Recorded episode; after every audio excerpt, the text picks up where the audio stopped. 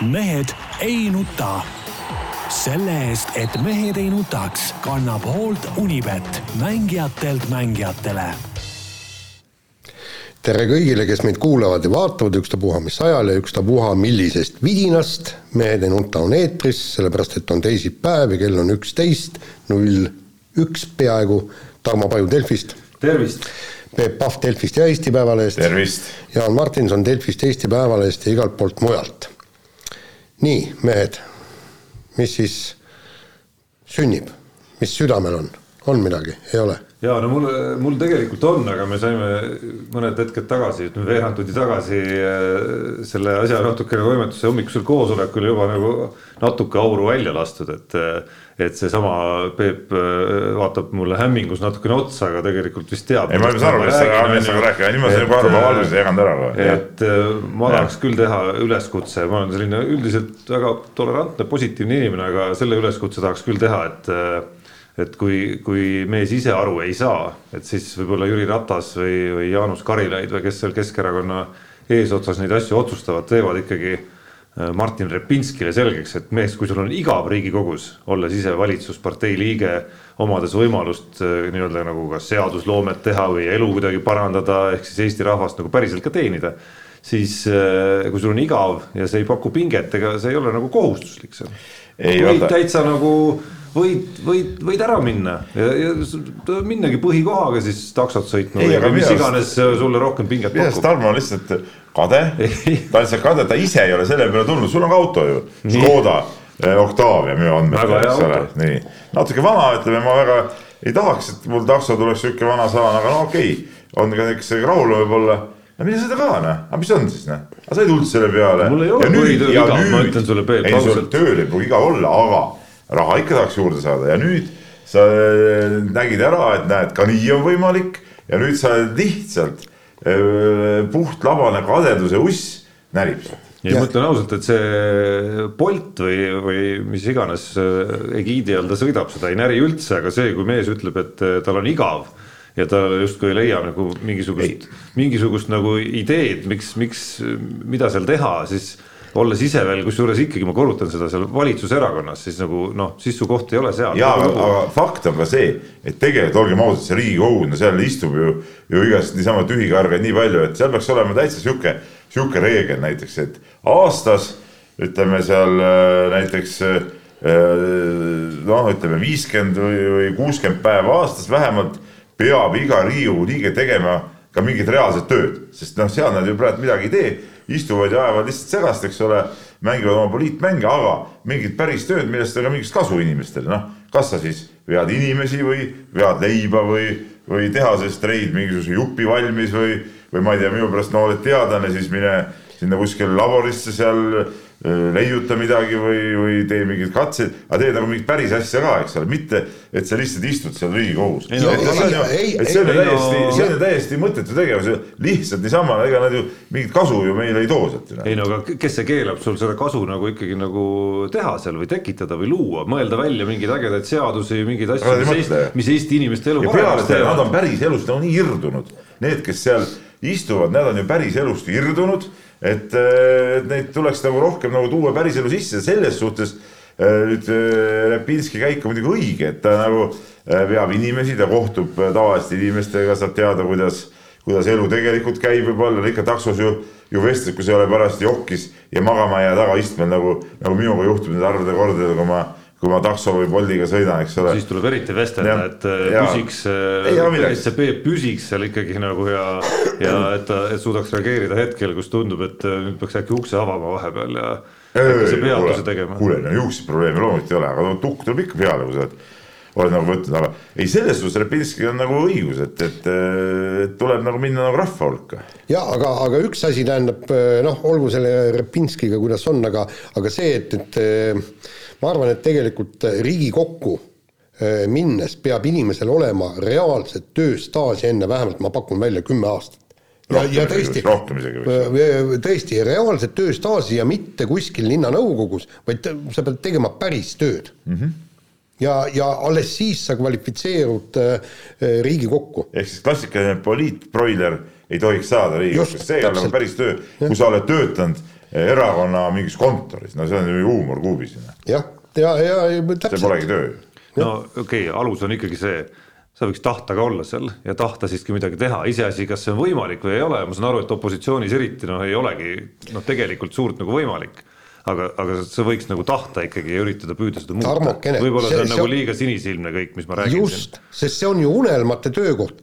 Mis nad räägivad, et eh, mida noored kõige, kõige, kõige rohkem tahavad, millist ametit, seal, kus oleks vähe tööd ja palju pappi. ja palun, Riigikogus ongi ju see eh, kõik olemas. ega seal ju paljud teevad mingit muud tööd veel. mis see noor siia puutub praegu, ma Ei. veel Jaan sellest nagu hästi ei saa aru, et on ma tunnen väga paljusid väga ambitsioonikaid, töökaid noori, et see, ühtegi. see, see on nüüd mõttetu vanuseline sildistamine. Jaan, kas sa tead mõnda ja, tean ja väga palju ja tean väga palju vanemaid inimesi ka, kes väga ei viitsi midagi teha. ja, ja, mina ei, mina ei näidanud Jaanile. ei no aga äh, teatud vanuses võib laisaks minna, aga, aga me aga äh, mäletad, kui see, kui see meil äh, Õhtulehe legendaarne peatoimetaja härra Koorberg, kui ta selgitas, et kuidas tulevad tema juurde inimesed sealt äh, Tartu Ülikoolist, on lõpetanud, marsivad kohale, annavad teada, et, et tähendab kõ- kõige vähem mis neile nagu sobiks, on uudisteosakonna juhataja asetäitja koht, see on kõige väiksem asi. Ja muidugi siis küsivad palka, noh, tänapäevases rahas niisugune neli-viis tuhat eurot on ju, ja, ja, ja, ja nõuavad. Ja siis Koorberg ütles, et okei okay,, sa võid selleks saada poole aastaga, sa võid kõik selle saada, aga alustad kõige madalamast reporteri kohast ja näitad, et sa midagi oskad ja töötad ennast üles, mispeale siis lüüakse uks selja taga, selja tagant kinni ja ollakse veel pahased ka, et mis mõttes. no vot ei tea, nii drastilisi lugusid mina küll Väino suust ei mäleta, aga oli, aga no Jaani mälu on parem. Jaani mälu on alati parem kõikide lugude kohta. tal on see ajus on see hea mehhanism ka, vaata, mis lihtsustab kõik asjad Ja kuidagi aja jooksul nagu ära ja siis paneb veel juurde ka. no ei, kuule, ajakirjanikul peabki niisugune pea ei olema, peaehitus. nii, kuule, hakkame nüüd spordiga pihta ja, ja Peep tahab maanteele, Peep kibeleb juba maanteele. jaa, nii, ootab ees tore reis Otepääle. Ajakirjanikud valisid siis äh, spordiaasta parimad, jättes muuhulgas äh, Tänak, Järveoja välja esikolmikust ja no paraku nii on, et ma ei näe põhjust, et mi- miks nad peaksid äh, olema esikolmikus, sest nende, nende mina küll nägin põhjust, et peaks seal olema no nimelt, nimelt. MM-ralli võit. No see, et, et sa võidad ühe aga sa, aga sa panid Taaramäe, sest ta võitis ühe velotuuri ühe etapi. jaa, aga, aga see oli edasiminek tema puhul mis mõttes edasi, ta on varem ka võitnud. ja ei- vahepeal ei olnud võitnud, aga nüüd jälle võitis. vahepeal ei olnud, no aga Tänak ka vahepeal ei olnud, ta võitis talveralli enne seda ta võitis, oli peaaegu ju aasta seal äh, möödas vist või? ei, pool aastat oli möödas, noh. ta oli ka, vahepeal ei olnud võitnud, nüüd jälle võitis. ei tege-, tegelikult noh, olgem ausad, võistkonna mõttes äh, kolmas koht oli neile paras, mina paningi need kolmandale kohale. aga, aga no paraku ütleme nii, ütleme nüüd niimoodi, et, et tõesti, Ott Tänak kindlasti ei saavutanud seda tulemust, mida ta oleks Kindlasti. tahtnud sa- saavutada ja, ja, ja, ja muidugi. kusjuures ausalt öeldes oleks olnud ääretult piinlik, kui, kui nad oleks näiteks äh, saanud siis mm, noh, okei okay,, parimat võistkonda seekord ei saa, eks. no see on selge, et seal, seal ei ole isegi ju Aga-, ju küsimust, kes no parim võistkond on. kolmandast kohast sisuliselt ikkagi ja jah. sellest, kas FC Flora või, või äh, Ott Tänak ja Martin Järve.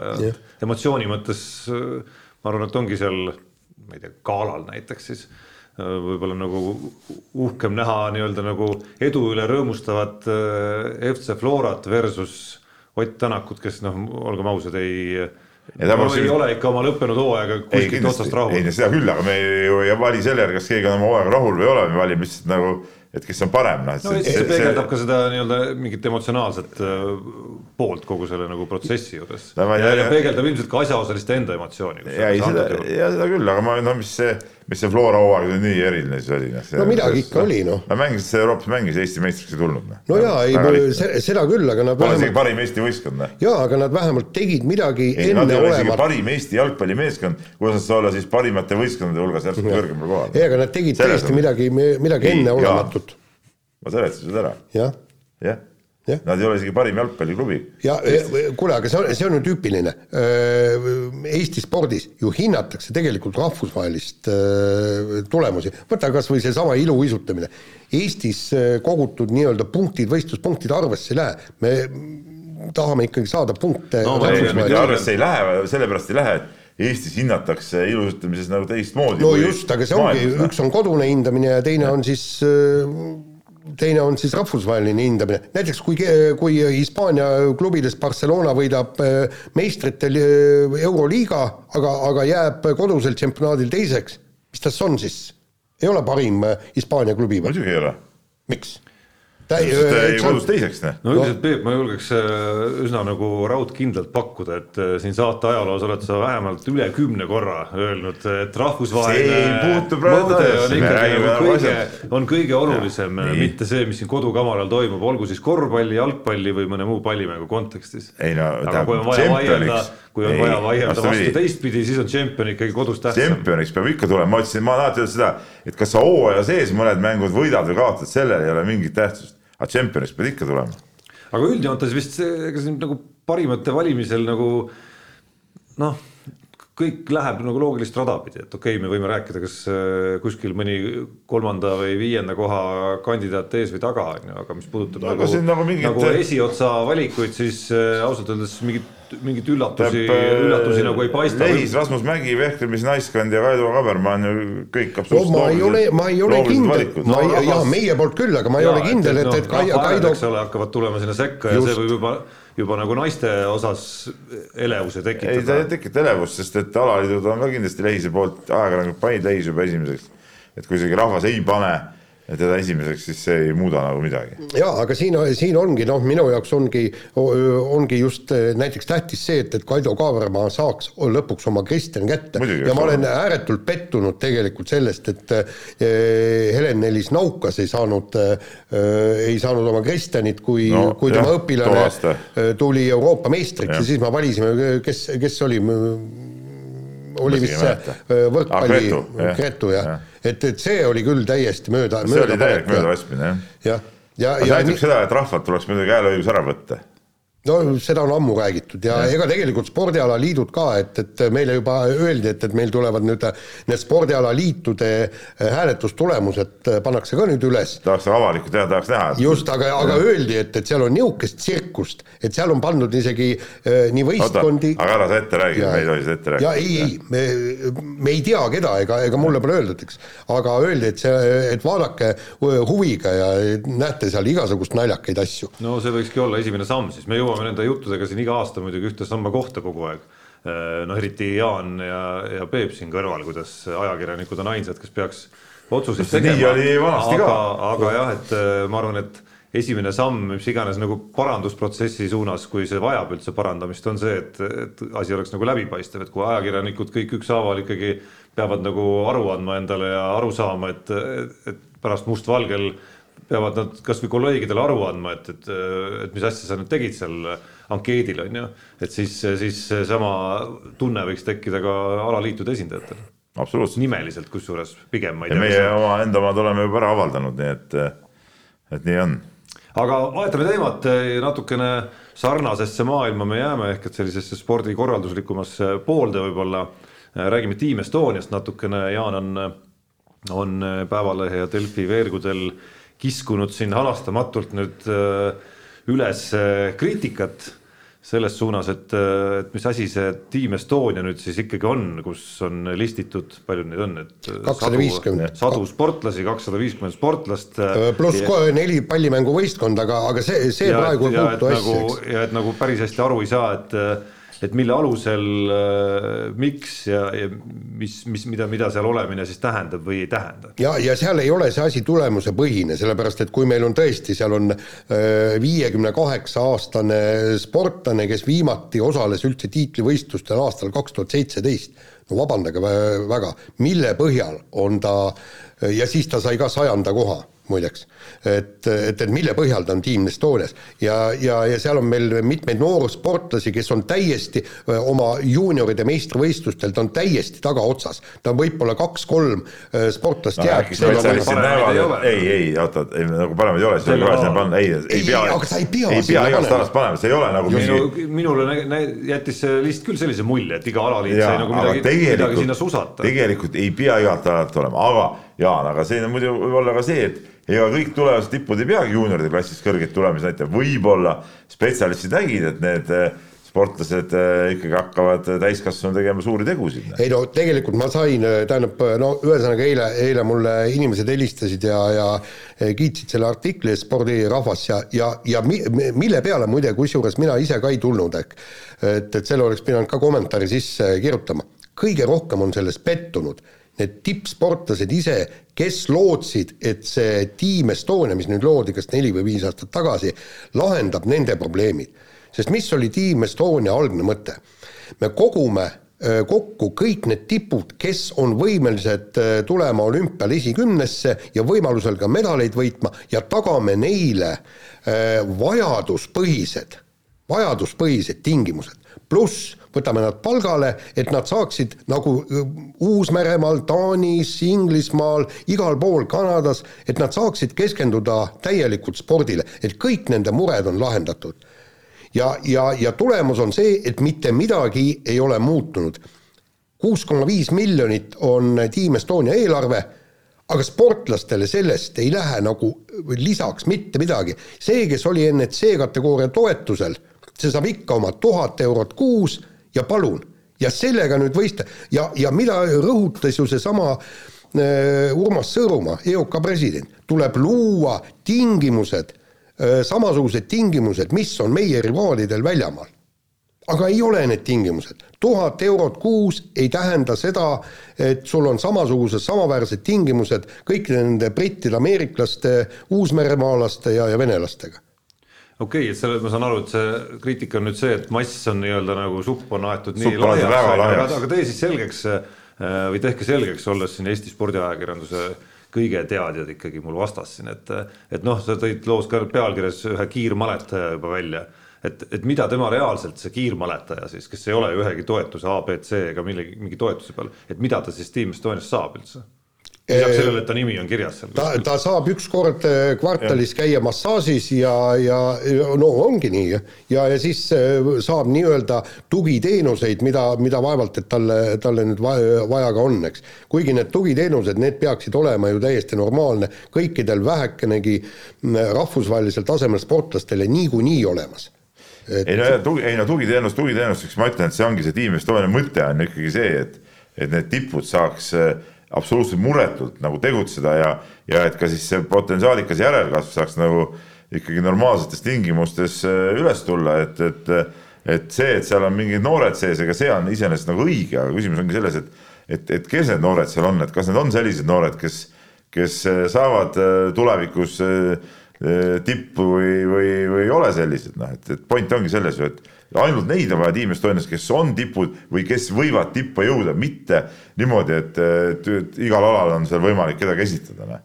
ja siis muidugi eriti ajuvaba oli see, et, et nagu oligi, et, et miks, miks siis neid rallisõitjaid pole, et alaliit ei ei esitanud neid, no mis see, no teeb, see peaks olema üldse alaliitude ülene nagu noh. ei no see tõsimeeli arvate, et Ott Tänak peaks olema Team Estonias või, millest tal puudus on? ei, oot-oot-oot-oot, küsi-, küsimus ei ole selles, küsimus on selles, et meil peab põhimõttes, meil peavad olema seal tipud absoluutsed tipud ja veel kord. oota, oota, kas Anett Kontaveit peab olema seal või? ei, pigem mitte. ei, oota. aga mis see Team Estonia on siis? Rasmus Mägi peab olema või? sa ikka ei kuula, tähendab, kas sa ei suuda vastu võtta või sa ei kuula on Team Estonias on Eesti tippsportlased, kellele tagatakse vajaduspõhised tingimused. Ott Tänakul ei ole vaja ei palka, ei autot, ei midagi, tema vajadused on sellest rahuldatud. võib-olla tal on tõesti vaja noh, mingit meditsiinilist kõike niisugust teenindust. Jah. ja siis Ei no selle okei, ta see kõlab saab täpselt sama, no aga No ma kogu aeg räägingi, Anett Kontaveidil on ju vaata, on ka tä- täpselt nii. Ja Anett Kontaveidil siis, kui tulevad ka kätte rasked ajad, nagu olid, mäletad Kaia Kanepil, kui, kui, kui tal seda tulemust ei olnud, tal oli see äh, treeneri vahetus, et kõik, Tallink maksis talle ju ja, ja, ja praegu maksab ka äh, Anett Kontaveidile. äh, maksab nii-öelda sponsorit, vot siis, kui tal on tõesti rasked ajad, et, et äh, võ- võib-olla vigastuse tõttu aasta-kaks väljas, võib-olla läheb sünnitama, tuleb tagasi, eks, et, et kõik, vot siis tullakse talle appi, mida sul vaja on, ahah, et, et näed, sa ei vea praegu omadega välja, sa ei jõua treenerile maksta või, või arstil või oma tiimiliikmetele, vot siis me tuleme appi. Et see ongi vajaduspõhine ja Ott Tänak on seal ja tema vajadused on märgatavalt väiksemad, kui neid üldse on. kokkuvõttes see on ka staatuse näitajana, et sa oled, sa oled absoluutne Eesti tipp, noh. See peaks olema kõik absoluutsed Eesti tipud peaksid olema koos, see on asja point. just, ja, ja, ja teine asi siis, kui hakati seda äh, Team Estoniat äh, kokku panema ja ma, ma ju ise tulin ju sellega välja aastaid tagasi ja siis ma rääkisin nende tippspordi äh, komisjoni inimestega kõik, nad ütlesid, et esialgu, vaata kuna meil on raha vähe, esialgu võiks olla meil umbes nelikümmend, äärmisel juhul viiskümmend sportlast.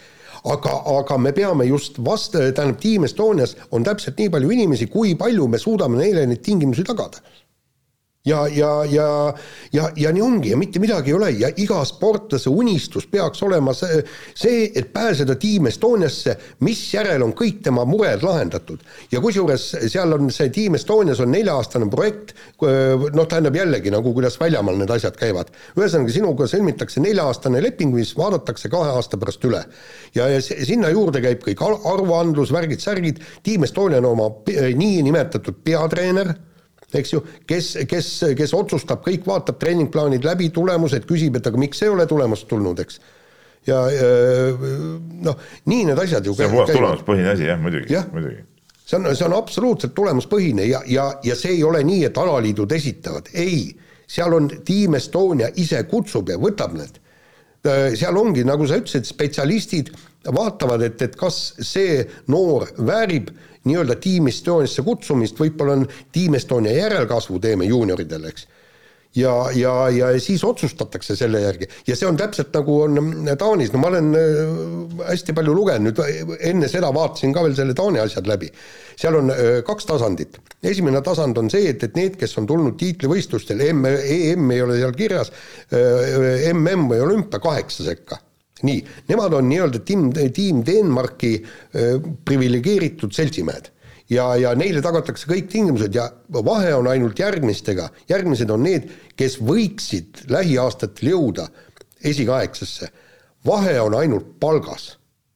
Ühed saavad rohkem palka, teised saavad vähem palka, aga ülejäänud tingimused ka- kaetakse kõik. Ja pluss neil on veel juunioride tiim, aga seal käib koostöös klubide ja äh, alaliitudega, aga tagatakse ka need tingimused. ma ei saagi aru, miks ei võet-, ei võinud võtta nagu neid äh, näiteid nagu ette nende järgi teha, et miks te hakkate siin ise mingit, mingit umbluud korraldama, tead noh, näited on olemas maailmas ju kõik tead noh. no kõlab nagu kirjelduse järgi minult, kes ma ei ole nagu asjaosalistega rääkinud, et ei, ei tahetud või ei juletud nagu seda nagu ranget reha siis nagu teha no et nagu kõigile midagi natukene. ja ei, pa- paraku niisugused mu- muljed, võtke, lööge sisse, eks, et öö, selle Uus-Meremaa tippspordikeskus, seal on na- natuke kee- keerukam nimi ja vaadake, vaadake kõik, seal on väga puhtalt toodud välja eelarved. Need, need eelarved on täitsa, täitsa kõrvulukustavad, kui seal on näiteks, neil on aerutamine, seal on, seal on kas viis või seitse ala olid eelisarendavad äh, alad, eks, kus, kus on nii.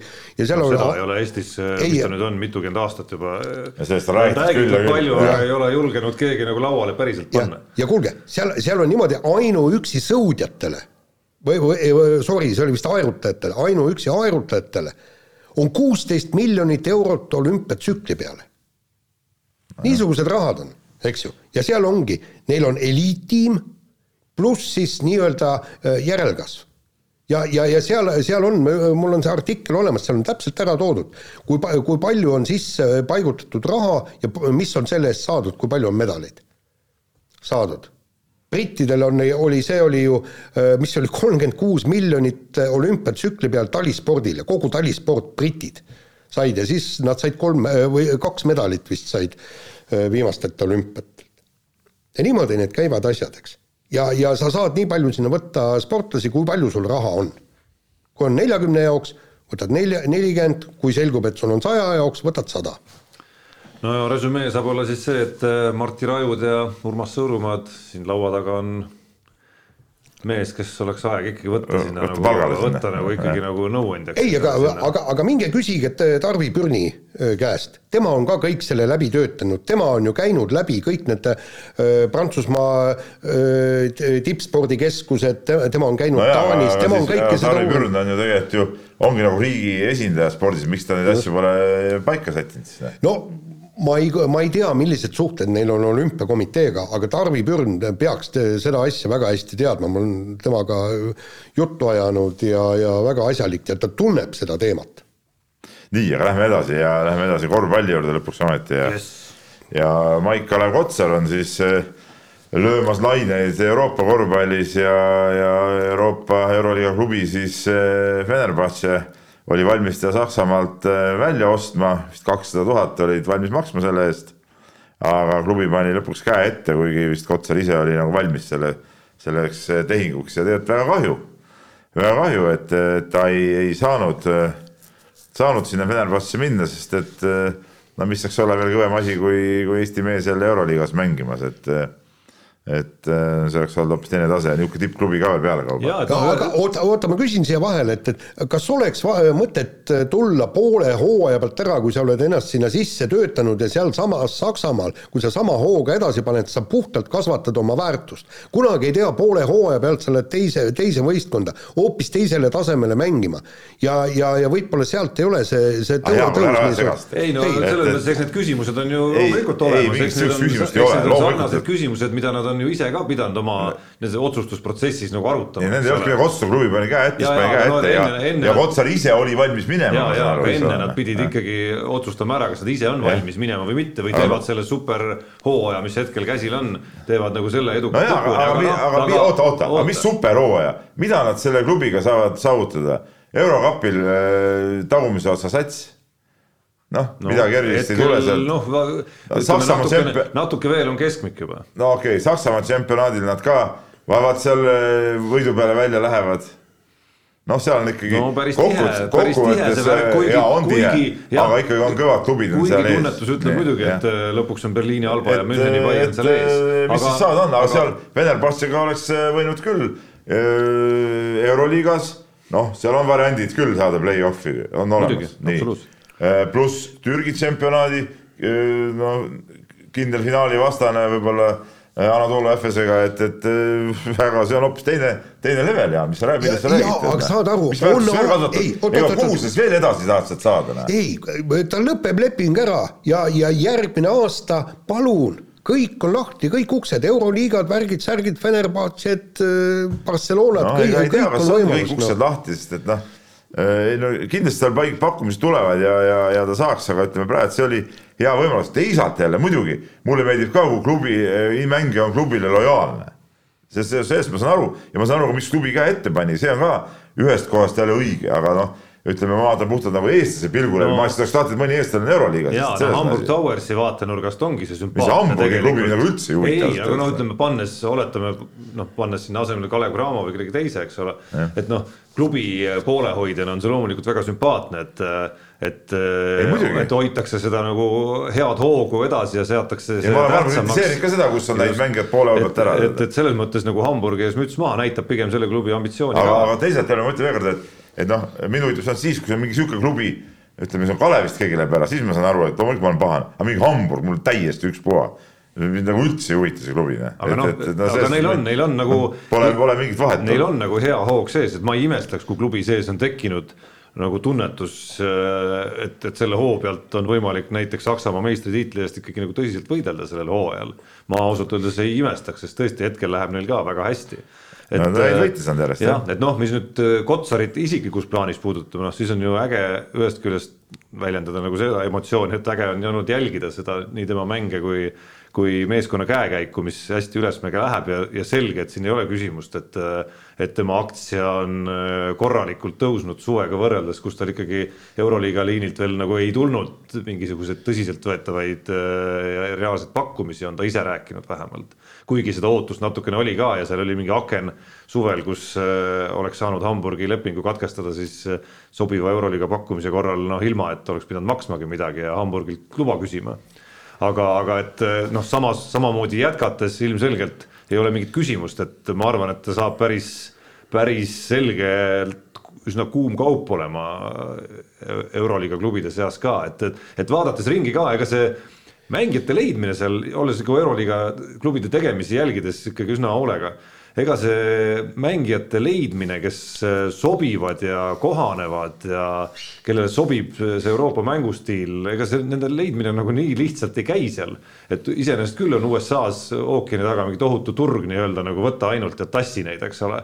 aga kui hakkad vaatama, kui hästi või halvasti näiteks seal kohanevad, siis äh, no olgu need tagaliini mehed äh, eriti, noh, seal on nagu eriti raske, aga, aga ka eesliini mehed, et siin CSKA sugused toovad siin Kennet Faride ja mehi, eks ole. nüüd läks D-liigasse tagasi. püüavad siin igasuguseid nagu leida mis iganes nagu asju ja võtteid ja trikke, kust, kust veel kaevata üles see leid nii-öelda on ju.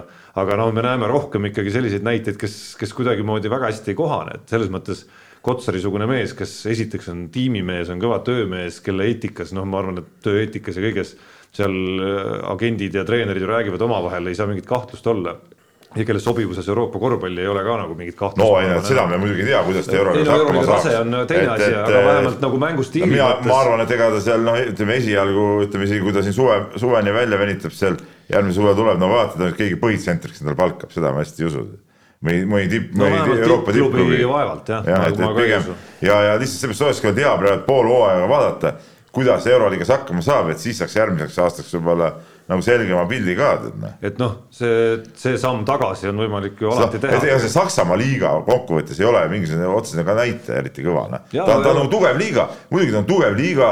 Äh, Euroopas ütleme seal Hispaania Äh, ütleme Itaalias, ütleme seal noh, Hispaania kõige kõvem, eks ole, ütleme Itaalia, VTB, Saksamaa, ütleme, need on seal kõik siuksed, siuksed toredad liigad, eks ole, aga, aga ütleme, see ei ole ikkagi päris päris nüüd see tippude tipp. jah, no mis on, mis on ka põhjus ilmselt, miks eurokapil osalemine ongi, ma arvan, tekitanud Muidugi, seda asiotaaži, et kui sa seal Zelko Obradovitši ja Partisani ja Lokomotiivide vastu teed seal selliseid peaaegu MVP, vooru MVP väärilisi esitusi, et noh, siis, siis, siis see paneb nagu märkama ikkagi ja see annab tõestuse tippklubidele, et, et siit on mees, keda, kellel silma peal hoida. äge, seda on äge vaadata, et ei, ilmselgelt mees, kes, kes on lähedal päris, päris suurele mängule nii, aga võtame järgmise teema ja jätkame Ott, Ott Tänakuga ja Ott Tänak andis siis äh, lühiintervjuus teada, et äh, Hyundai auto on paljulubav, et mehaanikud, insenerid on teinud vahepeal väga head tööd ja noh, ega ei oskagi öelda, et, et, et selge see, et, et ega ta ei saa ju praegusel hetkel öelda, et, et, et, et see auto ei oleks hea või, või samas ta oleks võinud ju ka suu kinni hoida, nii et jällegi lugedes asjatundjate arvamusi, siis nad ütlevad, et igal juhul see tundub, et see auto sobivat Ott Tänakule oluliselt rohkem kui see eelmine Hyundai, küll aga me ei tea, kuidas on Hyundai võrreldes Toyotaga või siis M-spordi Fordiga. muidugi me ei teagi mitte midagi, et kõik need eh, jutud ja, ja, ja avaldused on ju tegelikult noh, tühi, tühipaljas mull ju tegelikult, noh, Jaanile meeldib siin mulje siin nagu, nagu eh, forsseerida ka, mina nagu neisse väga tõsiselt ei suhtu ja, ja, ja väga-väga ei noh. ei, aga selle kohta. mingit pilti me ju ei saa ju tegelikult, me ei saa, enne ei saa mingit pilti, kui on ütleme pool hooaega sõidetud, siis me hakkame aru saama üldse, mis, mis rallimaailmas toimub, et see, see, kui praegu Tänak ütleb, ütles siin võib-olla paar kuud tagasi, et no see auto on täielik jama, eks ole, nüüd ütleb, et oh, on tehtud head tööd nojah, selge, no ilmselt ongi tehtud head tööd ja auto on läinud paremaks, aga mis see nagu sisuliselt või tegelikult tähendab, seda me ei tea mitte keegi, samamoodi me ei tea, noh, Toyota võib siin rääkida mida iganes, ega me tegelikult ka ei tea, mis see, mis see sisu tegelikult on. ei, aga no. ega Toyota ei ütlegi enda kohta, ei trummeldagi ja. rindu, aga, aga mis oli ja tegelikult oleks, tahaks nüüd natukene vot noh, selge, et Ott Tänak pole, pole niisugune jutumees ja me ei pääse sinna ligi ka, aga see oli väga huvitav, kui Toyota käis nüüd Soomes testimas ja siis Soome ajakirjandus siis sai kätte peainseneri Tom Fowleri ja, ja siis rääkis Kalle Roandperega, et see, seal oli nad selles mõttes huvitav, et, et sealt sai selgust, et mida need uued autod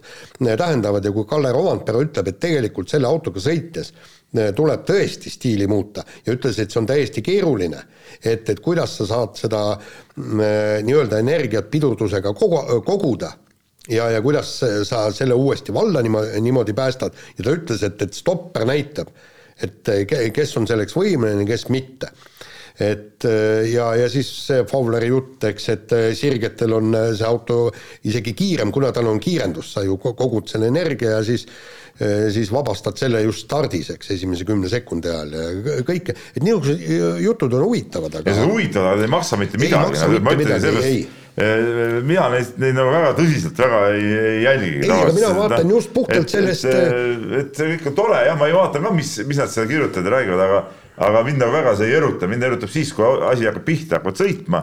vot siis on nagu näha, mis, mis tegelikult toimub, see kõik see eelnev mull, eh, nii nagu mind mitte kunagi ei huvita üldjuhul igast võistluste eelvaatamine, mis on täielik jama tegelikult, totaalne jama. esiteks punkt üks, ma ei viitsi neid kirjutada ise kunagi, punkt kaks ma ei viitsi neid ka eriti lugeda juba ammu, sest et no see, see on, see on täielik, täielik jama. ei ole, selle, sellega on nii ja naa, juhul kui on sportlasel midagi asjalikku öelda. sportlasel ei ole kunagi midagi asjalikku Jaa, öelda. ei, aga mõni, mõni. millal, millal oli viimane kord, kui keegi enne võistlust ütles midagi asjalikku, Jaan?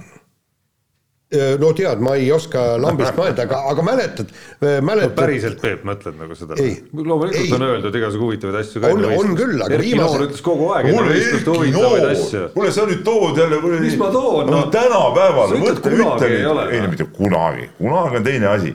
ma räägin, millal viimati oli midagi huvitavat enne võistlust? Ja kindlasti on võimalik välja otsida. aga üldiselt, üldiselt võistluseelsed lood on üldiselt väga ebahuvitavad, väga ebahuvitavad. seal, seal on ainult tõesti, kui, kui sportlasel on. väga ebahuvitav. jah, kui, kui sportlastel on tõesti midagi, midagi otseselt ja täpselt öelda näiteks oma käesoleva vormi kohta, nagu mäletad, oli kunagi Mati, Mati Alaver rääkis oma suudetega. kunagi, ma räägin viimase, too mulle viimase viie aasta jooksul näide, millal oli huvitav eel Eh, võistluse eel mingi huvitav teema üleval? no, no, no kindlasti oli, aga ei mäleta. järelikult ei olnud. aga ma küsin ikkagi niimoodi, et teie kui eh, kõvad rallispetsid peaksite omama mingit aimdust selle kohta, et eh, no nagu Jaan siin kirjutab ja Kalle Rovanpera räägib, eks, et et selle hübriidiga saab olema nii-öelda nagu sellist noh, nii-öelda nagu uus mäng tekib sinna auto juhtimise juurde, et üks asi on kurvide võtmine õige joonega ja kõik, kõik see osa, eks ole, mis on kogu aeg olnud aga siis on kuskil veel nii-öelda mängimine selle energiaga ja äh, piduri, pidurdamise ajal energia kogumisega ja nii edasi, nii edasi, mingi teistsugune nii-öelda mäng tekib juurde, et kuidas, kas Ott Tänak sellises mängus võiks olla hea või mitte? No pole olnud aimugi. ei no mis mõttes, oled sa spetsialist ei ole? ei no mis spetsialist, noh, pole, pole kunagi sõitnud siukse asja, kuidas me saame seda teada siis ette, noh. ma võin öelda muidugi, et jah, ma usun ja okei okay,, olen spetsialist jah, ma usun, kuna Ott Tänak on hea sõitja, tunneb hästi tehnikat, siis ma usun, et ta saab sellega väga hästi hakkama, oled rahul nüüd? ei ole, miks sa enne rääkisid, et sa tegelikult ei tea?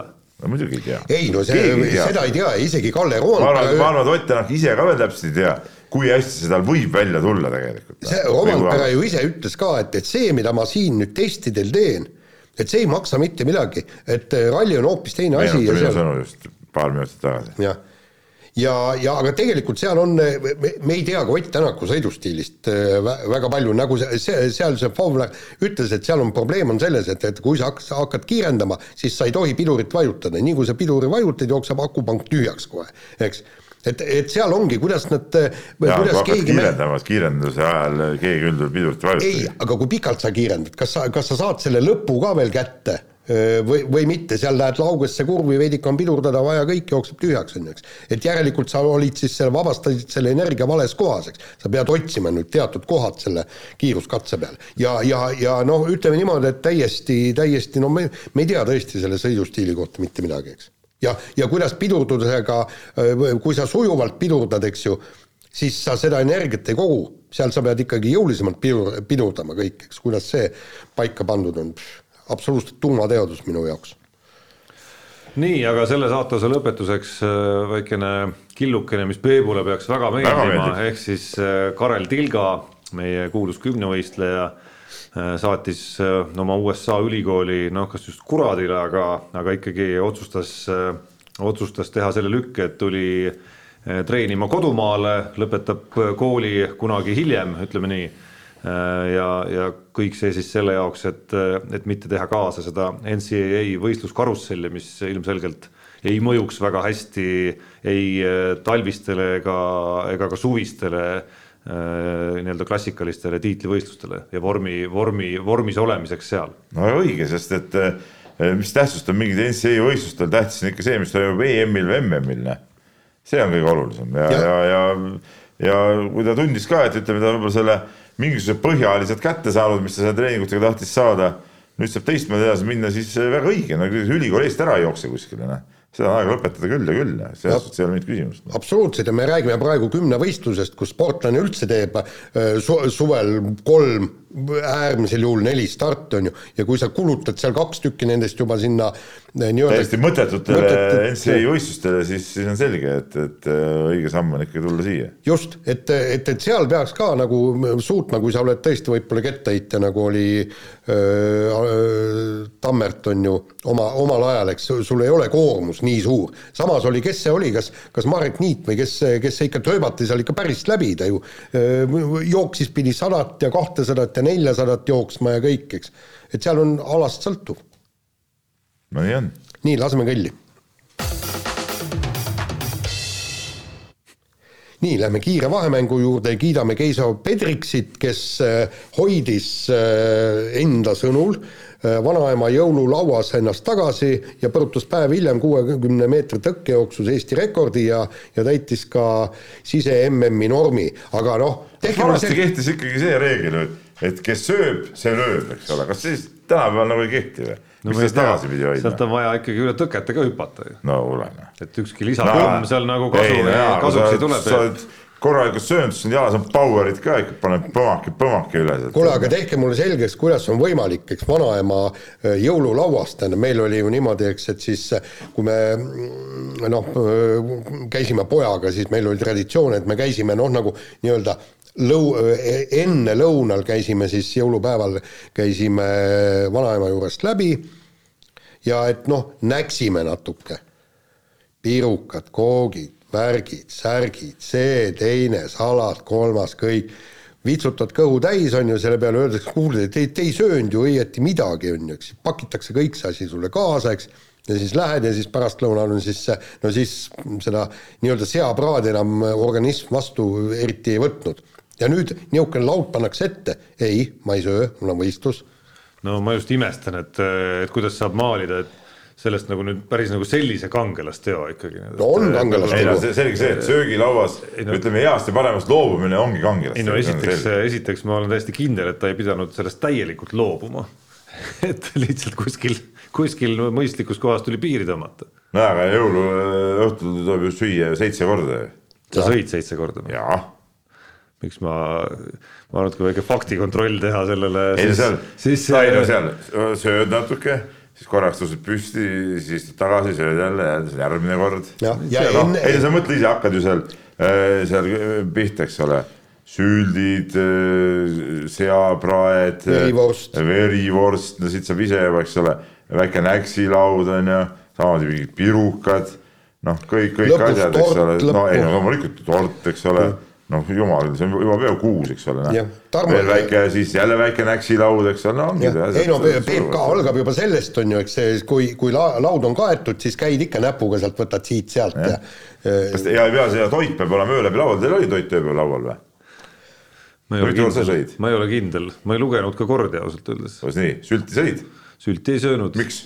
No, jõululaupäeval. palju ma selle sisse vaamin seda sööki? mis segi on, kindlad asjad, mis peavad olema tehtud ju. sülti peab, kunagi jõid või? ei joonud. miks? miks ma peaks jooma? seapraadi hapukapsaga sõid või? õlut jõin näiteks. no õlut nagunii no.. nii, seapraadi hapukapsaga sõid või? sõin. nii, väga hea äh,. kalamarja saia ka, mis ma söön alati jõululaupäeval. kalamarja sai. sõin, aga järgmisel hommikul no,. järgmisel hommikul aga sülti ei söönud, mul ei ole sinuga üldse millestki rääkida, kui sa ei söö jõululaulu sülti. mis, mis inimene sa oled? hea mädarõikaga tead, paned niimoodi ära, oh. no,. aga viina võtsid? võtsin. noh, natukene. hakkab vaikselt, vaikselt inimeseks saama. natuke inimeseks, aga noh, aga ikkagi ma sinuga sülti ei söönud, no mina ei saa sellest ei saa aru küll. sült on ju ülim asi. ja no looduses peab valitsema tasakaal, Peep, nagu sa tead ja tundub, tundub õnneks, et Keido Pedriks on ka oota, esindamas ikkagi seda tasakaalu. on vähe kalori, kaloririkas eh, toit. ma saan aru, keegi peab hoidma nagu seda balanssi ka ikkagi, kuskil on Jaan ja kuskil on ei, Peep, siis oota. kuskil peavad olema ka Tarmo Paju ja Stop. Keiso Pedriks. me, ei, meil on balanss, meie kõik peame siin sööma ja aafriklased muide sülti ei söö. aga vahetame teemat. Armin Evert Lelle kas meie esiujuja, vaadates, vaadates värskeid tiitlivõistlusi, seitsmes no, mees maailmas. seitsmes küll, aga, aga viies Tsirka mees oli Tsirk, aga, aga tegelikult oli noh, ka mulle, kuigi okei okay,, ma ei ole mingi ujumispets ega midagi, mul aga kuidas ei ole, mina, mina olen Jaani nagu edutanud meie ujumisosakonna juhiks, aga no võta näpust, vaata kui me rääkisime seda, et, et on naised, kes midagi teha ei viitsi, siis Jaan kvalifitseerus hästi, ta pole ennast üldse ette valmistanudki. Äh, härra Lelle äh, võimsaks esile tõusnud. sinu arusaam, ma saan aru, äh, on ka ikkagi see, et annab jumala ameti, annab ka mõistuse, et annad, annad Jaanile kohustuse ujumist kajastada, et küll see oskus ja teadmine järele tuleb. ei, aga tegelikult tege... see mees teeb tööd iseendaga, ta pole mitte midagi teinud. ei, aga tegelikult noh, Lelle oli juba Euroopa meistrivõistlustel viies, noh, seal võis arvata, et, et äkki, äkki see oli noh li,, lihtsalt noh, juhus või midagi niimoodi, aga, aga selgub, kaks meetrit pikk,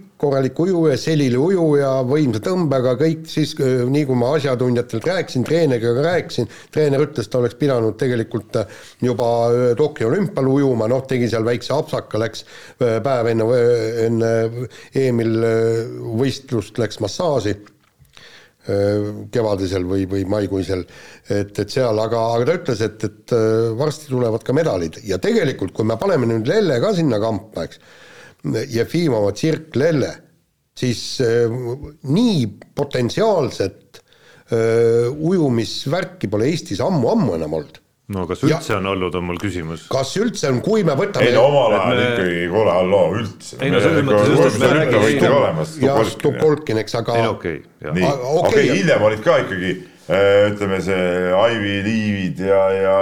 no okei okay,, ma räägin nagu enda eluajast ja, ja, ja ütleme. Stopolkin tuli ütleme üheaastane, eks ju, eluajal. ütleme siis taasiseseisvusperioodist räägime. enne seda sa ei elanud või?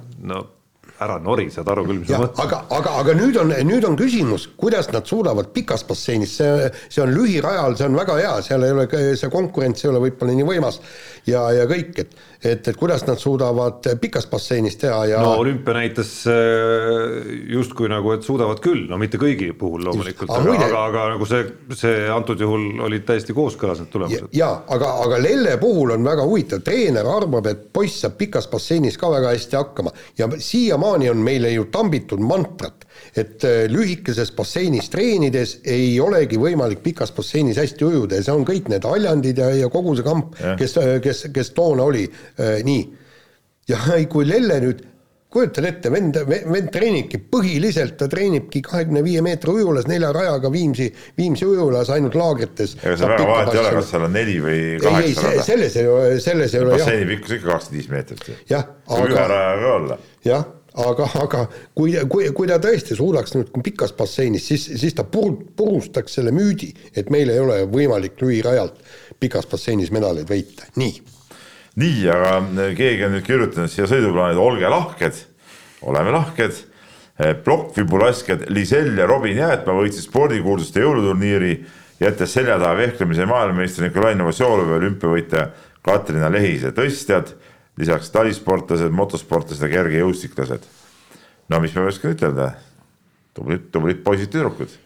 noh, ja ütleme niimoodi, et siin on meie vehklejatel ja, ja vehklemistreeneritel, tõstjatel, kõigil on ikka veel kõvasti arenguruumi et jõuda vibulaskjate tasemele. miks sa, miks sa üldse, miks Jaan, sa, sina oled selle sõnastuse ja lahke olemise Just. välja mõelnud, et miks, miks püha püss ei tahtnud sinust, oleks võinud. et miks sinus üldse on kuskil, siit kumab nagu läbi mingisugune mõte, et nagu vibulaskjad peaks olema kuidagimoodi nagu nagu selles konkurentsis, see kuidagi nagu üllatav on, et vibulaskjad võivad nagu nii kõvad olla no mis, mis, mis, mis No, sa on- arvad, minu jaoks on- laskmine on aga sa mingisugune nagu ei oska nagu vastust leida ei, ei minu jaoks on üllatus, sellepärast et on, eks mina mõtlesin, et, et seal äh, moto, motomehed on ikkagi, on tegijamad ja, ja kõik ja ja, ja vehklejad, eks ja muidugi ma ka välja, et väike üllatus siiski on nagu tead noh.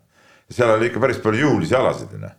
ma ei tea, mis selle aasta programmis oli küll, aga olete te kursis nagu nii palju ma tean, siis oli ikka see rippumine ja kasti hoidmine ja need olid ikka kavas. ja, ja no ja kusjuures, vibulaskja võiks õllekasti küll hästi hoida, selles mõttes õlad peavad sul ikka tugevad olema, ei, aga nad ütlesidki, nad ütlesidki, et, et neil ongi tugevad õlad ja kõik, eks, et aga, aga noh, ikkagi, ikkagi üllatus Aga ja hurraa, muud, muud Jah. ei ütle. vägev, nii, nii, mina või? sina, Jaan. Tarmo Kink äh, annab teada, et Flora saab noortele lubada kohta koondises, mina vaid au- autobussikoondises. ja, ja jutt on selles, eks, et, et kõik on, ma on teadki, et Kink on äh, autobussikoondise omanik huvitav jah, mis oli- autobussikoondises ta saab seda lubada ikkagi. kas Levadial on mingid, mingid sponsorid, kes, mingi bussifirma? ei no nali naljaks, noh, ei, viskas selle välja, aga tegelikult tal on muidugi õigus, no tuline õigus ja eile oli siis see kuulus äh, saade ka, kus Pohlak äh, andis aru ja meil oli siin väike refereering oli ka. Jaa, ma kahjuks ei ole jõudnud kuulata, ma ma ei ole seda ka kuulata, ma kindlasti kavatsen selle nüüd, kui ma istun autosse ja hakkan sõitma aga ma lugesin selle refereeringu läbi. Jah. äh, ja seal ikkagi nagu see oli, see loomulikult tekitas ainult soovi, soovi see Kalev Kruusi podcast äh, ja Toomas Vara podcast nagu pikemalt läbi kuulata. Ja seal siis olid kaks sellist natuke vastuolulist asja jäid ka mulle sellest tekstist tegelikult, mis oli vist, kas meil Gunnar, Gunnar Reis, kuulas kuulas ja, ja, ja refereeris sealt. üks siis, kus äh, Aivar Poolak tunnistas, et jah et loomulikult FC Flora on ju ta, tema lapsuke ja emotsionaalselt ongi see nagu arusaadav täiesti, aga et ta üritab nagu jõuga ikkagi eh, nii-öelda nagu kuidagimoodi võtta ennast nagu välja sealt, et, et, et tal ei oleks nagu Flora tegemistega mingisugust nagu reaalset sidet, aga siis oli seal ka lõik, mis rääkis sellest, Tarmo Kink tõi selle välja, et äh, ma saan aru, et see on osa siis sellisest nagu vist ka siis Jalgpalliliidu mingisugusest nii-öelda nagu arenguvestluste programmist äh, või kuidas iganes seda nimetatakse. Et, et, et Aivar Pohlak ka presidendina on käinud äh, näiteks Flora mängijatega neid vestlusi pidamas, aga Levadia mängijatega ei ole. Ja siis äh, Aivar Pohlak vastas ise sellele, et aga et nagu anna teada ja kutsu, on ju. Aga, aga mulle tundub, et see initsiatiiv võiks nagu teistpidi käima, et käia ikkagi, et see, et see jalgpalliliit peaks justkui nagu välja Ei, valima need mängijad, andma klubile teada, et tahaks nagu kaasata, et, et me tahaks nagu nii-öelda ka nendel mängijatel silma peal hoida, nendega vestelda ja siis kuidagi koos lepitakse need ei no jaa, aga vaata, kes on FC Flora president, Aivar Pohlaku poeg, eks ole. nii, ja see on loogiline, et oleks ju poe, pojale lähed appi, no mul ka poiss teeb seal Keilas esimese klassiga trenni, ma käin ka vahest sealt üle ukse piilumas, et kuidas tal välja tuleb ja seal ükskord seal aitasin ühte pingi alla pugenud poissi sealt nagu, nagu äh, välja võtta ja, ja teda nagu, nagu selgeks teha, et praegu on nagu trenni aeg, mitte pingi all olemise aeg ja nii edasi. et noh, aga miks siis Aivar ei võinud siis äh, minna ka oma pojale appi, poi-, poja, poisil võib-olla hästi välja see vestlus, eks ole, noh. ja, ja ma teen ise need vestlused. ei no aga kui Ei, see aga- vest-, ei, aga kui see vestlus on osa nagu sellisest nagu noh, nii-öelda kõikide Eesti jalgpallitalentide nii-öelda nagu arenguteel, sellisel juhul see. aga võib-olla Levadias pole neid talente, noh. see poja aitamise dimensioon nagu ei päde väga. aga võib-olla Levadias pole niisuguseid talente, noh. Seda jah, Tarmo Kink võib-olla peaks peeglisse vaatama. võib-olla vaatad, härra spordidirektor vaatab ei võib-olla., kuule, ta nüüd nii vähe, olnud, aga nüüd hakkavad tulema talendid. kuule, nüüd ma saan aru, on muide nüüd ma sain sellest aru, tähendab sellest väiksest lõigust ma sain aru, miks Levadia mängijaid ei ole ju koondises. kuna arenguvestlus on ka niimoodi, et kutsu, siis vestleme ja, ja koondisse pääseb ka, et paku, siis võtame. ja, ja, ja, ja ongi, Flora on pakkunud, koondis oli ei no mäletad kuule, aga see ongi õige, vaata. Tiim Estoniasse tuli ka pakkuda ju, pakuti koondisse Jah. ja keda ei pakutud, need ei saanud, samamoodi on seal. Levadia ei ole pakkunud koondisse Ja- ja- ja. Häberli kogu võib-olla aeg- magas mingid emailid ja asjad ja maha. nüüd, ja nüüd, nüüd süüdistab äh, Pohlakut, eks ole, kuule, Tarmokene, no katsu nüüd asjalikum olla. ja, ja, ja ma kujutan ette, et Häberli kogu aeg istub ja närib küüsil, ütleb, et Levadias on mitu head meest, kes tugevdaks meie koondist ja kõik, et miks ta pagan ennast ei paku. ma ootan juba siin kogu aeg mis nad telefonikõnet. teevad, on seal platsi peal mingeid telefonimärke, eks ole, aga päriselt ei helista keegi. ja, ja, ja aga absoluutselt võib-olla. tegigi hoopis oma klubi vendadele, et kuulge, helistage, nüüd ükskord. pakkuge mind välja vot Jah., vot nüüd hakkab nagu asi õieti nagu välja kooruma tegelikult. oleme lahendanud ikkagi ühe Eesti spordi nagu suurima tulijõuna, tüliõuna saladuse tegelikult praegu, sujuvalt kusjuures. nii on. nii, ja kiire vahemängu lõpetuseks äh, saadame teele oma soojad õnnesoovid ja südamlikud äh, õnnitlused, Andrei Nazarov ja Ksenia Balta teatasid lapseootusest. no On tore ühesõnaga. hip-hip hurraa nagu öeldakse, eks ole. kuule, nad on nii kaua koos olnud, et seal peabki ükskord see laps ka välja tulema, noh. tähendab, et em, no Andrei on ju kogenud isa ka, tal on ju, tal on ju poeg ka, eks ole, et, et küll ta teab, kuidas seda üles kasvatada, Ksenia nii, nii palju ei, noh, kogemust pole, aga noh, tähtis on see, et põhiline on see, ärge hakake raamatute ja mingite kursuste põhjal seda last kasvatama. see on nagu põhiline sihuke sõna, et tehke asju ikka, ikka loomulikku teed pidi. Kõik need kursused, kõik need kuradi kursused ja, ja seal enne sünnitamist käiakse, ma tean, noored paarid, kui see kõik on ju saatanast täielik jama. seal ei ole midagi, ma olen ise käinud kahe sünnituse juures, seal midagi vaja ei ole, ma minagi ühel kursusel väga hästi sain seal hakkama, tead, midagi hullu ei olnud. kõik võtted olid selged, kõik võtted olid kohe selged ja ma ütlen ka lapse kasvatamisel, mina ei ole kunagi neid raamatuid lugenud, ei kavatsegi neid kunagi lugeda. sest et mis asi on õpetaja, see kõik on ju loose poolt paika pandud, noh küll, küll sa hakkama saate, tead noh. on ju nii? ja kui tõesti on abi vaja, siis mulle., siis äh, Peebu telefoninumber on, on teil mõlemal on, olemas. on vast teada jah, nii. laseme kõlli. Unibetis saab tasuta vaadata aastas enam kui viiekümne tuhande mängu otseülekannet. seda isegi mobiilis ja tahvelarvutis. Unibet, mängijatelt mängijatele miks Tarmo naerab siin nagu Mona-Lisa? Eh, ma mõtlesin sellele, et äh, siin Peep enne saadet kahjuks rikkus ära ühe üllatuse, et selle oleks võinud oodata, natukene ei oodata. ma ei saanud oodata, ma ise et olin põnevil. oleks, oleks võinud ikkagi oodata viiskümmend seitse minutit, et, et logida sisse oma Unibeti kontole ja siis avastada, kas tema megapanus, mis pidi tooma koju meie aasta ennustusvõistluse peaauhinna, on siis täkkesse läinud või mitte. Ja, ja siis see reaktsioon ja kõik see oleks nagu kaamerate peale jäänud, aga, aga kahjuks ta tegi selle enne saadet ära ikkagi ja, ja jõudis meile öelda, et tema saldoks on äh, jäänud, ütle nüüd uuesti, kuuskümmend seitse senti. no sellega annab veel opereerida annab. opereerida. kas sa leiad äkki mõne tuhandese koefitsiendiga eh,? kõik läks valesti, mis pidi valesti minna. ma panin ühe korraliku rivi ja sain koefitsiendiks üksteist koma seitsekümmend kaheksa, nii. ja panin sada kuuskümmend eurot sinna peale, mis mul oli alles jäänud, siis ma olin ka eelmisel, enne seda nagu eelmise nädala ühe pakkumise juba panuse kaotanud, noh. ja no pagan küll, täitsa eh, seal kaks Soome hokiliiga mängu, jääb üks Soome, üks Rootsi hokiliiga mäng, mõlemad läksid valet pidi valet pidi ja ainuke siis, kes, kes tõi võidu koju, oli Kaunase Žalgiris, võitis Juventust ka läbi häda seitsme punniga. nii ja üks, üks Alpide jäähokiliiga kohtumine jäi kehtetuks, kuna see mäng on edasi lükatud. vot, no näed Noh. no., aga ma võin sulle lohutuseks öelda, ma praegu lihtsalt siin jutu taustaks panin kokku, hakkasin suvalisi NBA mänge ja Euroliiga mänge siia panema.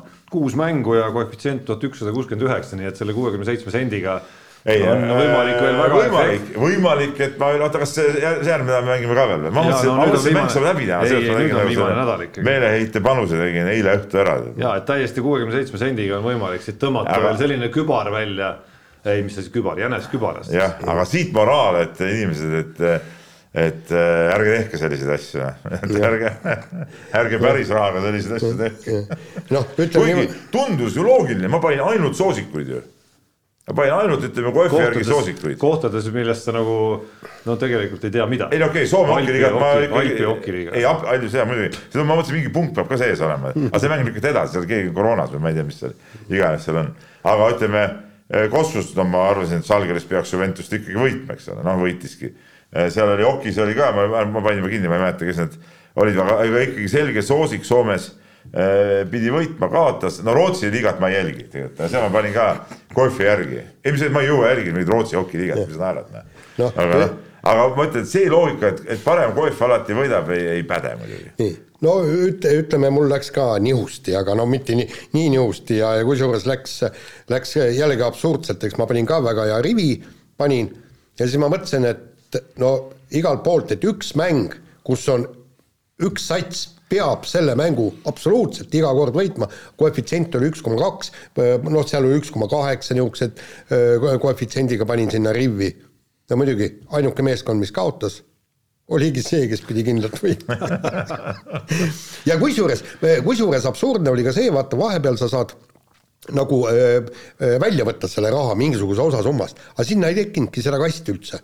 niimoodi, et, et ma see vist jah, on mingitel hetkedel rohkem seal. ei, aga no ma seda jälgisin. ma ei tea, kas rivide puhul see üldse on näiteks? on, on jaa, aga siis ma, siis ma ka jälgisin, jälgisin seda ja, ja kuigi see mäng oli niisugune tihe, et ta võis minna siia-sinna, siia-sinna, eks, ja, ja muidugi läks vales suunas ja ja mul on nüüd vist mingi seitsekümmend eurot, aga sellega annab veel üht-teist korda saata. selge, no mina tiksun seal oma neljasaja kandist täpselt euro pealt, sendi pealt, ei tegin küll, ma panin äh, ühe panuse, see oli Euroliiga, see oli see legendaarne mäng, kus äh, Madridi Real poisikestega mängis Moskvat CSKA vastu. see oli vaimustav mäng. siis äh, mingil hetkel, kui seis oli kas üheksateist neli või seitseteist seitse või no midagi sellist seal alguses, siis ma panin CSKA peale. et noh, küll nad ikka. see mäng oli vaimustav. ja, ja et küll nad ikka nagu ilmselt ronivad sealt välja, ronisidki, aga siis vajusid ja. uuesti kohe kokku, et. Ütlen... ja loomulikult oli mul tegelikult hea meel selle üle. veel kord ma rõhutan, no üldiselt ma olen tihtipeale CSKA poolt seal on ka paar päris sümpaatset mängijat minu jaoks väga meeldib, aga selles mängus ei olnud kahtlustki, et ma olin Reali poolt. et, et üks asi need poisikesed, aga siis ka ütleme ka need vanamehed, siis mulle tundus, et vahepeal mulle tundus, et Rudi Fernandes nagu äh,, nagu ma ei saanudki, mismoodi üldse liikus, eks ole, et seal noh, siis see lull ka ütleme aurude peal lasi seal edasi-tagasi et no, äge oli vaadata, tead, no ja siis pluss siis need noored, kaks tuhat neli sünniaasta kutid, üks Äh, Sloveenia poiss, ma praegu nime ei suuda praegu peast ütelda. jah, virutas kümme silma, eks ole, tead noh jumala äge, tead noh, jumala äge, tead noh. ja, et noh, see, see on see, mis. see on siuke emotsionaalne võit, see oli nagu näha, kuidas läks meestele endile korda, peatreenerit ka polnud ju pingi peal, eks. see on, see on see põhjus, miks ja. mul on äh, Real viimastel aastatel nagu üliväga sümpaatseks muutunud, lihtsalt kuna see see noortesüsteem, mis siin nagu ehitatud on, see töötab nagu nii hästi, tulevad Dontšitšid, tulevad Karubad ja, ja, ja nagu isegi kui ei tule nii kõvad mehed, siis äh, kui vähegi vaja on, mõtle, neil oli seitse meest audis yeah. ja siis vaatad nende ülesandmislehte Euroliigas, seal on nagu kakskümmend mängijat selle hetkeseisuga, nii et saab asju ajada küll. võetakse järgmised, kes saavad hakkama ka veel Euroliiga tasemel. Nad olid üheksa mehega olid seal mängimas. et kuskil oli ikkagi mõned olid veel kadunud. nii ja uue nädala eripanus Unibetis meie aasta lõpu nii-öelda aastavõistluse viimane nädal siis puudutab kodust korvpalli, täna õhtul Viimsi Kalev Cramo on meil mäng. seal on pandud selleks nii-öelda handicapi kohaks kakskümmend üks ja pool punkti, mis, mis nii-öelda Kalev annab ette Viimsile ja, ja see, et Kalev siis võidab suuremalt, Kalev Cramo saab olema mehed ja nuta eripanus ja, ja muide, ärge unustage, esimene jaanuar on ju meil see äh, aasta kokkuvõttev saade. jaa, supersaade nagu öeldakse. supersaade, äh, kahetunnine saade, nii et pange kindlasti väl-, äh, valmis, kolmkümmend üks, siis ärge napsuga liialdage. ei, napsuga ei liialda küll, sest et selleks ajaks, kui saade tuleb, on ju õige mees juba pohmaõlled sees, tead näe. no pluss, kui, kui veel ei ole nagu saanud ree peale korralikult, siis see aitab. näh, ei no teed väikse pastoo või, või kolm õlut ja jälle elu läheb edasi nagu lill see on see põhjus, miks me viimastel aastatel ikkagi oleme hakanud ette salvestama seda saadet, et Vasalemma krahv ikkagi ei, ei saa nagu liikuma naljalt. aga seekord me oleme Vasalemmas, ma olen seal kaugemal, ma olen Rakvere kanti. nii, aga räägime kirjadest. väga tore pidu tuleb, ma, ma juba, juba ootan ette, tuleb tore pidu ja mis on põhiline, me laseme lasu- äh,, saluuti vot nii. erinevalt Tallinnast ja Tartust. kui Eestis kunagi saluut ära keelatakse üldse, siis peab emigreeruma, ma arvan. ei, siis ikka laseme. või lihtsalt laseb ikka. ikka laseme, nii. aga läheme kirjade juurde, Marko kirjutab ja, ja kirjutab meile nii, et kuulasin Betsafe'i podcast'i Aivar Pohlakuga, see on nüüd sama, millest me siin rääkisime, eks ole. ja taaskord tõstatus teema, et kuivõrd kõva saavutus oli Flora eurosarja tulemus, sest seda tehti omade meestega. minu arust puhutakse seda omade meeste mängitamise omade meestega mängimise tulemust liialt suureks ning jäädaks sellesse ülearu palju kinni. see on klubi ning see on täiesti okei okay,, et olemasolevast satsi tugevdatakse kahe kuni nelja välismaalasega. võib-olla oleksid nad jõudnud välismaalaste tugevdustega edasipääsu lävele. siis toob siin näiteks, Ott Tänak uuel WRC hooajal sõidaks kõik kiiruskatsed puhtalt elektri jõul ja saavutaks seeläbi MM-sarja seitsmenda koha, siis kas ta oleks ülikõva tiim koos Järveojaga? Loodan, et saate võrdlusest aru. kirjutab siis Marko No, Toim, me ei saa. meeleolukat aasta lõppu. ei, ma selles, minu arust see nagu päris, päris sarnane näide ei ole, aga, aga okei okay,, sarnane näide oleks siis, kui, kui, kui äh, Tänak sõidaks selle Eesti autotööstuse mingist toodanguga, ma ei tea, viimane auto, mis Eestis tehti, oli minu arust see Tartu buss, see TA6, sihuke, see tehti puidust raami peale ja ja sellega veeti inimesi ja veeti ka, ka kaupa, kaubaautod olid ka need Tartus tehtud. Kass alguses olid viiekümne ühe mootorid, pärast uutemat viiekümne kolme mootorit ka peal. et, et kui sellega sõidaks, sellega tuleks, vot see oleks kõva asi Jah. aga tervikuna ma olen muidugi nõus, et, et see, et selge see, et oluline on see, et Eesti mehed kannaks äh, olulist rolli võistkonnas, aga ütleme, paar välismaalast, ma ütlen tõesti paar või mõned äh, juures on okei okay., kui seal on, jookseks ringi, ma ei tea, seitse karvajalga ja, ja, ja mõned eestlased, siis, siis nagu minu jaoks see tulemus maksab ja midagi. stopp, aga seal on üks küsimus, tähendab, kui me toome näiteks tõesti kaks kuni neli võõramaalast, paneme siia Florasse, siis need eestlased, kes, kes mängida ei saa, siis nemad ju sellel hetkel ei, ei arene, nemad ei saa platsile, nemad ei ole paremad. Nii et, et öö, see, see on niisugune küsitav, et nemad no, said vähemalt euromängude kogemust. no eks sul on vaja ka treeningus kvaliteeti igal pool Jah. pikal hooajal nagu näha, natuke käis üle jõu ikkagi kahe sarja koos mängimine Jah. mingil hooaja hetkel vähemalt Florale, et. et võib-olla sellel hetkel just oleks olnud hea, kui seal oleks olnud paar tüüpi juures, aga üldjoontes oli Flora lõppenud hooajal nagu eestlastest ikkagi või Eesti tippmängijatest noh, ikkagi üsna hästi komplekteeritud, et nüüd, kui kui tõesti on siin nagu üks lahkuja juba olemas ja, ja võimalik, et neid tuleb juurde veel, et siis sa oled nagu sundseisus lihtsalt, et sa, et sa peadki rohkem, rohkem nendesse panustama. nagu nii-öelda selle teise poole pealt on kindlasti see, et ma arvan, et me siin oleme, rääkisime ka saade või kaks tagasi natukene publikust, eks, et see Flora äh, Euroopa edu tõi ju tegelikult ka publiku staadionile ja ma arvan, et see, et, et see on selline nagu Eesti oma mängijatel põhinev, mitte seitsmel välismaalasel, see kindlasti mängis päris suurt rolli ja see, see kindlasti võib olla üks põhjusi, miks me siin Kossu puhul Jah, ja, peame ütlema, absoluutselt. et, et võib-olla on nagu just puudu selline, ma ei tea, üks Rauno Sappinen on Kalev Cramos puudu, ütleme. mitte üks, vaid päris mitu on puudu, sest pole eriti kellegagi kaasa elada. no oleks ükski. nii, aga lähme edasi, Erkki Leemet on meile kirjutanud ja kirjutab nii. Mind huvitaks teie arvamus sellele, kuidas jagunesid spordiajakirjanike hääled parima meessportlase valimistel võistkonnaalade sportlaste vahel. mõtlen siin Rooba, Sappineni ja Kotsari omavahelist vahekorda. mind isiklikult üllatas Kotsari kindel allajäämine mõlemale, kuna ta on Bundesliga play-off'i kursil liikuva võistkonna tugitala, häid sooritusi teinud ka Eurokapi kohtumistes, on silma jäänud Euroliiga klubidele ning vedas kindla liidrina Eesti koondise EM-ile noh, me siin Kotsari personaalküsimust ja taset siin natuke lahkasime. no mina sellest kolmikust eelistan kindlalt Roobat, kes mängib ikkagi NHL-i järel maailma tugevuselt teises hokiliigas ja, ja, ja, ja, ja päris kõvas klubis seal, nii et, et et nii ongi, no minu see ankeet on avalik ka, mina Rooma panin no kõik sisse. ankeedid on avalik, kiri vist oli saadetud enne, kui need avalikuks äh, läksid ja see küsimus, et. et noh, ma pean, võin natukene tuhka pähe raputada, et äh, tänu minu mitte ankeedi täitmisele Kotsaril jäi kindlasti üks punkt vähemalt puudu, et No oleks oleks, sinna esiviie hulka nagu sümboolselt viiendaks ilmselt pannud lihtsalt nagu, et äh, oleks ta ära märgitud, et. vaata, Ja- niimoodi, niimoodi ei saa ankeeti täitma, ma oleks lihtsalt pannud ta sümbool, sa pead ikka vaatama seda, mis on ka- reaalne tase. ta noh. oleks ka vaadates, see, see osa, see viisik oli mul juba tehtud isegi. Nii, kes see viisik- loe ette oma viisik siis. ma ei leia seda üles ausalt. no sa tead ju peast, ei tea peast. nii, ja aga siin on oota, kas Rooba oli viisikus või?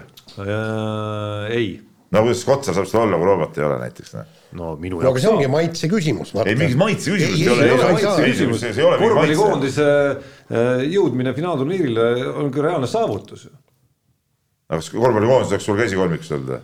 Äh, sinna ma ei jõudnud kusjuures, aga ma ei oskagi öelda, no ei olnud varianti. raske, raske öelda, Floraga täiesti võrreldav no mis see Flora siia puutub? ei no kolmas koht on nagu nii-öelda nagu me rääkisime saate algul ikkagi nagu nii-öelda saadaval, et on see Tänak Järveoja, Flora korvpallikoondis täiesti võta üks ja viska teist. no ei no sa võrdled praegu ikka näppu ja sedasamust, nii.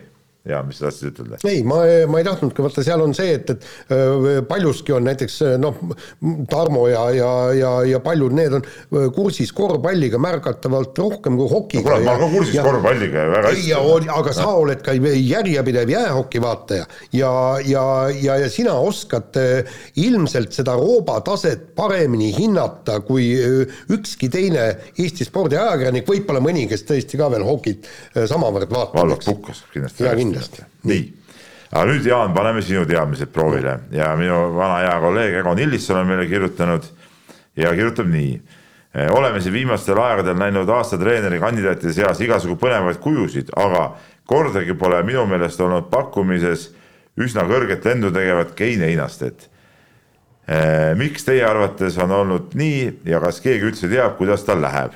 nii, ja sina kui nii-öelda suusaspets, Jaan, nüüd me ootame sinu põhjalikku ülevaadet Kein Einastest. temast ei ole põhjalikku ülevaadet, sellepärast Miks? et eh, no ma ei ole temaga isegi kas ta ei ole enam seitsikohalise treener? ei, selles mõttes, et ma olen üritanud temaga kontakteeruda, aga, aga ei ole õnnestunud ja noh, jällegi, ega, ega me, me, me ei oska öelda, me vaatame nüüd olümpiamängud ära, eks, ja kuidas need šveitslased seal e-, esinevad ja, ja siis saab tõesti mingisuguse hinnangu eh, anda, aga, aga tõesti, järgmine asi on see, et kui palju on tema tööd selles, eks ju et, et, et need medalid tulevad, eks, et. Äh, aga kelle töö see on siis? no kuivõrd palju on neil individuaaltreenereid äh, ja kas treenitakse Keina-Einaste plaanile, ilmselt treenitakse, aga see tuleb vaadata, tuleb kurssi viia sellega. aga ei ole kursis, Jaan? miks või? ma siin teen avaliku, sellise avaliku noomituse sulle, kui suusaosakonna juhile ei, mis mõttes ei jõua? ega ei jõuagi võta võib-olla vähem puhkepäevi, siis jõuaks ka, eks ole. ja ei, ei puhkepäevi tuleb rohkem no näed, noh. või tuleme taas tagasi selle saate alguses mainitud laiskuse juurde ja Tarmo, sa ütlesid, sina ei näidanud näpuga ja mina võisin julgelt näidata, eks ole. No Jaan ise võis ka julgelt näidata näpuga siin nooremale generatsioonile. mida? No seda, kui laisad nad on. ei, seda ma. kõike surma, surmapattu. ei no, ei no noortest me üldse ei ja, räägi. No, praegu ma pean siin vanameistrist ka natuke nagu, nagu ikkagi sakutama. no ühesõnaga Swiss Ski kodulehel igatahes on ta treenerina täiesti olemas, nii palju Jaan ma võin aidata. ja, ja ei, ei, seda, seda me teame. kõlas nagu see kahtlus isegi selles. ei, ei no tõesti ei ole temaga nüüd viimasel ajal vaadanud, mis ja kuidas. aga jah, seal neid eh, nii-öelda treeneri nimega või tiitliga mehi või naisi on muidugi rohkem kui üks nii ja võtame lõpetuseks Kalmeri artikli, ühe artikli küsimuse siia ja, ja küsimus selline, jutt käib ralliautode homologeerimisest ja kirjutabki nii, et sellest sõnast on ralliga seoses ikka jälle palju jutte, aga mis selle monstrumi taga siis reaalselt peitub, pole ma suutnud kuskilt täpselt välja lugeda. Äh, ka oma tänases artiklis räägib Jaan Veertsi autode homologeerimisest, aga sellist sõna eksisteeri ei Õssis ega ka sõna veebis. no vot, Jaan. ei, aga see. mis see, sellega... sa meile räägid siin? ei, aga siin on tegelikult ongi see, sellega on, sellega on üldse Eesti spordis probleem, et, et meil on, meil on tõesti, no vaatame ju kõik see paganama nii-öelda testikatse me oleme jah ja, suutnud teha, aga homologeerimine, see on ju see, et, et FIA kinnitab ära, et need detailid ja need autod ja autodetailid on reeglile no, vastavad. ta on saanud aktsepteeringu tegelikult, ütleme. aktsepteeringu, aga aga seal on niimoodi, et, et seal paljudele pannakse võib-olla tempel peale, eks, et näiteks seal käigukasti sa lahti rohkem teha ei saa. Ja äh, sellel aastal on jälle nii, et sa pead kasutama homologeeritud äh, detaile. siin oli eelmine aasta ju lubati see, et, et kui sul selgub, et, et äh, see on kehvem, kui selgub, et on kehvem kui vana detail, sa võisid vana tagasi panna, aga nüüd on see, et, et sa pead kasutama seda homologeeritud detaili, aga Eestile selle aga tõesti head, head sõna ei ole jah, ma olen nõus sellega jah no mul on ikka küsimus, Peep, et sa nagu kirjatuvina siin kuidagi jätad nagu olulised kirjad välja ikkagi. kuna ma elasin teadmises, et sa oled äh,, oled täna liinil meil siit Skype'i teel, siis vaatasin ka ise need kirjad läbi ja küsimus ikkagi on ju Martilt meile, kuhu jäi iga kahe ah, nädala tagant ilmuv saatesarja Ajahüpped osa, mida oleks tahtnud just nimelt ikkagi jõulunädalal kuulata ja, ja ma hakkasin seda nagu enam ette lugema, sest et see, see eile, eks saade juba üles, eks ole, et siin nagu probleemi pole. aga kirjas oli õige, Rubinniku mehed olid süüdi, noh. milline eh, no,? ja milles seisnes süü? no süü seisnes juba sellest, et nad, et nad on Rubinniku mehed. ei no tegelikult siin eh, tuli jah väike, ütleme, ütleme nädalane eh, paus tuli sisse siin erinevate asjaolude tõttu ja, ja, ja nii on aga mehed ikkagi Laiskuspoiss. alati, ei see ei olnud laiskuspoiss, siin ütleme, siin asjad ei jooksnud niimoodi kokku, nagu oleks, oleks pidanud jooksma, et mulle endale ka oleks meeldinud, kui see oleks enne jõule välja tulnud, nüüd tuli, tuli eile Sven Reintakiga, endise kümnevõistleja Eesti eksrekordi mehega on seal räägitud ja, ja räägib päris huvitavaid äh, jutte, kas sina, Tarmo, muidu mäletasid, miks tema karjäär katkes? võib-olla sa, võib-olla sa nägid mu selle sa- saate uudise pealkirja, et nüüd sa vist ilmselt nagu tead nagunii. ei, ei mäletanud. Ma arvan, et ei mäletanud. et, et, et siis korvpalli mängis ja Ristat Side seal puruks läks ja, ja tegelikult ütleme, kümnevõistleja magusamad aastad jäid, jäid ära ja ja ta kaks korda, ütleme, sattus korvpalliga pahandustesse, nii et soovitan saadet kuulata, minu arust on, on täitsa, täitsa tore jutt, mis ta no räägib. üks, üks küsimus oli tegelikult veel, millele ma spetsiaalselt käisin küsimas vastust, ma mainin ära No okei. Kokapoiss küsis selle Kalev Cramo viimase meistrite liiga mängu kohta, et kas äh, seal nagu võit päriselt ka midagi enam ei andnud erinevalt Euroopast, kus iga viigi eest juba sai raha klubi, et siis jah, tõepoolest äh, korvpalli meistrite liigas sellist nagu mängupõhist preemiat ei olnud, küll oleks edasipääsu eest olnud, kui kui see, kes edasi pääseb, seal oleks mingisugune boonussüsteem juba tekkinud, et ainus, mida see andis, näit-, see viimane võit Bursa Tohvase üle oli siis konkreetselt äh, sellesse FIBA klubide eurosarja reitingusse mingisugust väikest äh, punktilisa ja ühtlasi ma ütlen äh, nüüd saate lõpetuseks, et, et just äsja-äsja äh, sai Eesti Spordiajakirja Seltsi Facebooki üles ka äh, treenerite hääletuse tulemused, et saate vaadata, kes siis žurnalisti seest äh, ütleme, hääletas äh, täie mõistusega ja kes äh, mitte. nii, ja sellega on saade läbi ja esimesel jaanuaril siis kindlasti olge tõe häält saate kuulda saate jälle. tõe häält ja saate teada, mis üldse viima-, eelmine aasta ja eelmine aasta, mis toimus ja mis on kõige tähtsam sündmus. esimese jaanuari hommikul kell üksteist siis Just. on, on saade olemas. mul tekkis kohe küsimus seal aasta treenerite omas, kas Ottomar Ladva treener on ka ikkagi ära mainitud? hea küsimus. see on nii kribu siin praegu, et ma ei jõua seda vaadata nii kiiresti. nii, aga sellega on saade läbi nagu. ma sain aru, ma sain aru jah. see Ottomar Ladva oli ka parimaks sportlaseks pandud vahepeal, jah. nii, aga Ja kuulake läbi. jah, ja kuulake esimesel jaanuaril meid. mehed ei nuta. saate tõi sinuni Unibet, mängijatelt mängijatele